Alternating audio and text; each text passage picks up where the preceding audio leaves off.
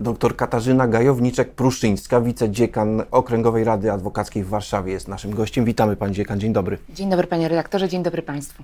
Porozmawiamy o tym, o czym Rzeczpospolita pisze od poniedziałku, mianowicie o nowych przepisach antymonopolowych, które weszły w życie, bo musiały wejść w życie z powodu dostosowania ich do przepisów unijnych, ale jest tam pewna ciekawostka, o której chcę porozmawiać właśnie z panią mecenas, jako specjalistką od tajemnicy zawodowej, prawniczej, adwokackiej, ponieważ przeczytaliśmy w przepisach, że kontrolerzy Urzędu Ochrony Konkurencji i Konsumenta, przeglądając dokumentację firmy, która być może będzie odpowiadać za zmowy cenowe, za kartele, różne inne poważne naruszenia przepisów antymonopolowych, będą mogli również pobieżnie zapoznać się z dokumentacją prawniczą, z opinią prawną, którą taka firma zamówiła sobie, no właśnie będąc, jak rozumiem, zaniepokojona, czy działa legalnie, czy też nie.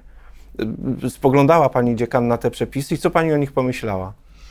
Moja perspektywa jako mm, adwokata karnisty jest nieco inna pewnie niż perspektywa tych adwokatów, którzy na co dzień funkcjonują w obszarze tej ustawy i zajmują się tematyką właśnie zmowy, zmów celowych, y, karteli itd. Tak itd. Tak I y, y, z tego, co się zorientowałam, perspektywa ta powinna być bardziej szeroka. To znaczy tak jak pan redaktor słusznie zauważył, y, ustawa musiała ulec zmianie ze względu na potrzebę wprowadzenia standardów y, wyznaczonych także orzecznictwem y, Trybunału Luksemburskiego, CUE, no ale także i dyrektywy Parlamentu i Rady jeszcze z 1998 roku te standardy funkcjonują w taki właśnie dokładnie identyczny sposób e, w państwach Unii Europejskiej. To jest pewien standard przyjęty tam, wynikający z bardzo wysokiego poziomu także mm, gwarancji oraz bezpieczeństwa urzędniczego, gdzie ta praca kontrolującego no, jest pracą e, szanującą tajemnicę e, obrończą, bo tu, tu, o takiej wręcz mówimy, i która rzeczywiście sprowadza się do tego, że kontrolujący może zapoznać się pobieżnie z dokumentacją, co do której kontrolowany wyraźnie wskazuje, że ona obejmuje informacje związane z przebiegiem tej kontroli, a zatem newralgiczne, sensytywne, być może właśnie nawet o charakterze penalnym, ale. Yy, nadużycie tego zdarzenia, tego, tej, tej, tej, czynności jest tam, w tym standardzie europejskim, kontrolowane. Poza tym nie jest to nadużywane. Z informacji, jakie uzyskałam, wiem, że bardzo rzadko zdarza się, że dochodzi do tego rodzaju sytuacji. Wystarczy bowiem oświadczenie kontrolowanego, że oto mamy do czynienia z tą właśnie delikatną materią, której, do której urzędnik nie powinien mieć wglądu. I na ogół spotyka się to z reakcją w postaci odstąpienia od czynności. Obawy moje rodzi yy, kierunek, w jakim mogłoby pójść przebieg tego rodzaju czynności polskich warunkach. My jesteśmy na samym początku obowiązywania tej ustawy, więc trudno mówić o tym, jaka będzie praktyka. To się dopiero przecież okaże. Ale no, patrząc na, na to, że przepis w tej chwili, rozumiem, idzie krok dalej, pozwala na coś, czego wcześniej zabraniał. To jakie to nam daje perspektywy?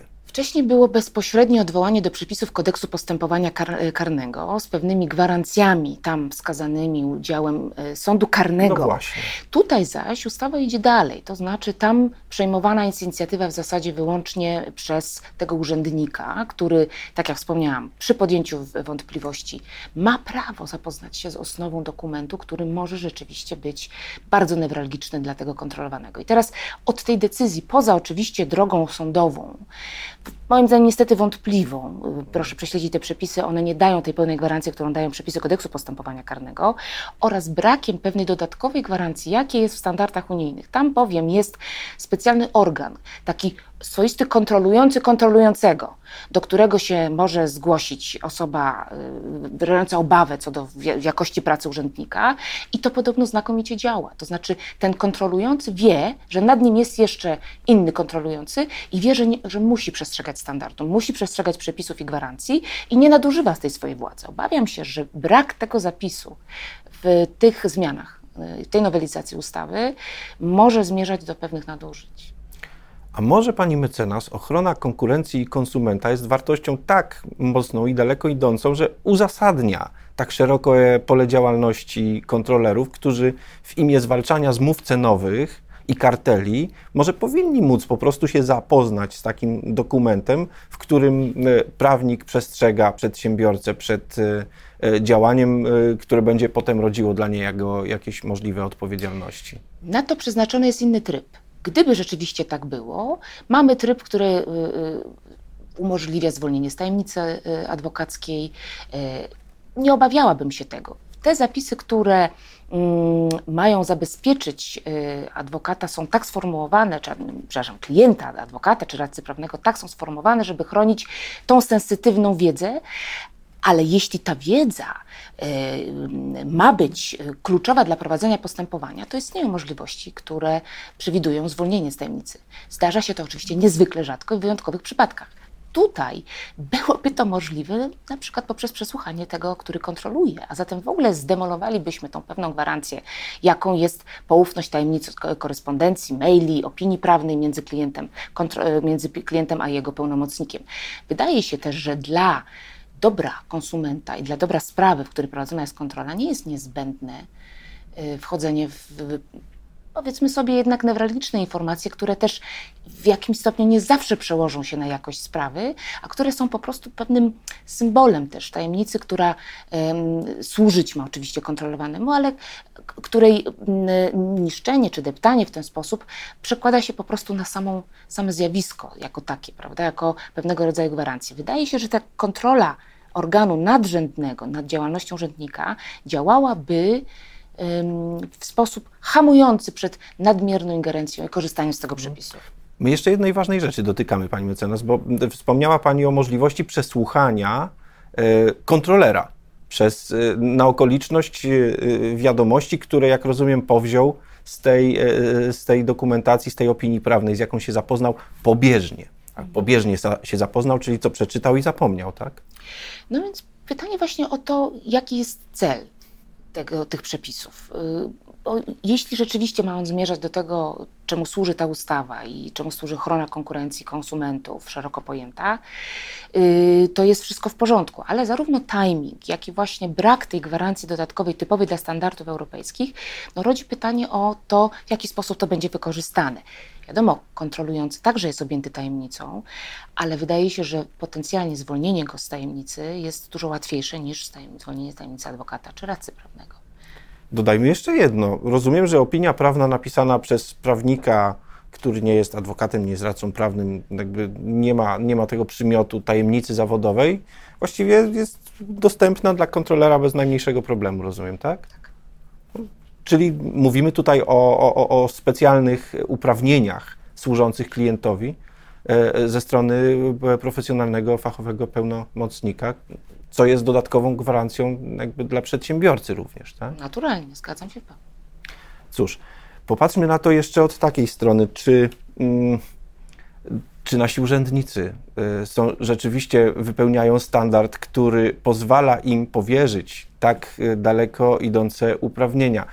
Czy my, dostosowując nasze prawo do wymogów europejskich, nie zapomnieliśmy jeszcze i o tym elemencie? Oczywiście, to jest taki aspekt dodatkowy dyskusji, w dyskusji, który jest zawsze trudny. To znaczy, my chcemy dążyć do standardów europejskich, prawda? Cieszymy się, że po latach dostosowywane są te dyrektywy i brane pod uwagę orzeczenia y, w tym wypadku e, Trybunału w Luksemburgu, ale zapominamy o tym, że w pewnych aspektach niestety nie dorastamy mm, i mamy szereg komplikacji związanych z realizacją tych standardów na poziomie zupełnie podstawowym. Obawiam się tego, że pewien etos czy standard pracy e, w bardzo trudnych warunkach, gdzie mówimy o konieczności wykazywania się także pewnymi efektami pracy, nie będzie przedkładany ponad pewne gwarancje i standardy, które w ocenie niektórych mogą wydawać się zbędne, niepotrzebne, stojące na drodze do ustalenia pewnej prawdy albo po prostu jakiegoś nadrzędnego celu.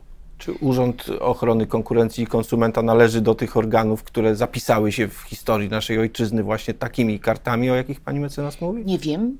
Nie wiem tego i nie chciałabym nikogo oceniać pochopnie, ale mam po prostu obawy, że mogą stać się narzędziem, które będzie stosowane właśnie wbrew pewnym podstawowym regułom gwarancji.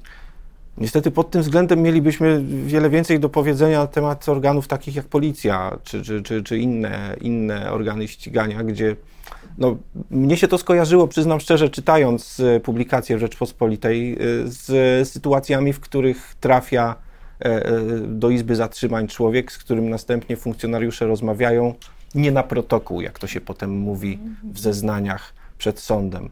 I dowiadują się od niego różnych rzeczy, E, o których przecież nie zapominają potem, a które są wykorzystywane w najróżniejsze sposoby w tym, w tym śledztwie, już teoretycznie zgodnie z przepisami prowadzonym, formalnie, z przesłuchaniami podpisywanymi, może nawet jakiś obrońca gdzieś tam jest w pobliżu, no ale oni już to wiedzą i tego nie zapomnieli, tak?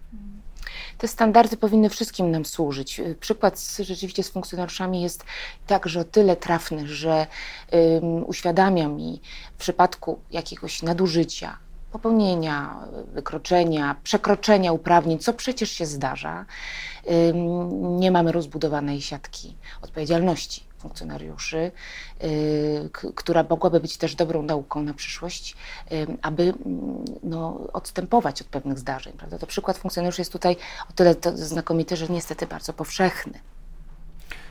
Cóż, przykro mi bardzo, ale rzeczywiście o tym się czasem słyszy, o tym czasem piszą media.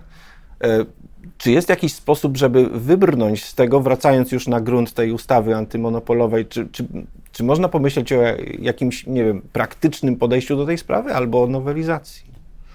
Y, trzymając się uparcie standardu europejskiego, moglibyśmy y, rzeczywiście wprowadzić tę gwarancję, ten wentyl bezpieczeństwa, jakim jest ten organ kontrolujący, który byłby dla urzędnika potencjalnie też i pewnego rodzaju glejtem bezpieczeństwa, że ja zastanowię się dwa razy, zanim skorzystam z łatwego uprawnienia, jakim jest przegląd korespondencji, bo być może narażę się na zarzut y, przekroczenia swoich uprawnień, a to również będzie stwierdzał ten, który będzie mnie oceniał i kontrolował. Wprowadzenie tej gwarancji gwarancji mogłoby uspokoić emocje towarzyszące tej nowelizacji. Ale nie mówimy o nowym organie do kontrolowania kontrolujących, tylko jak rozumiem o sądzie, tak? który mógłby wyrazić zgodę lub nie na, mówię tutaj, na wgląd w jakąś mówię dokumentację. Mówię tu o takim urzędniku, który funkcjonuje właśnie w strukturze europejskiej ustawy europejskiej usta ustawy o mm, e, kontrolującej nadużycia, o, w OLAF-ie, który, którego zadaniem jest wyłącznie taki, jest organem nadrzędnym od kontroli, której przebieg jest niewłaściwy,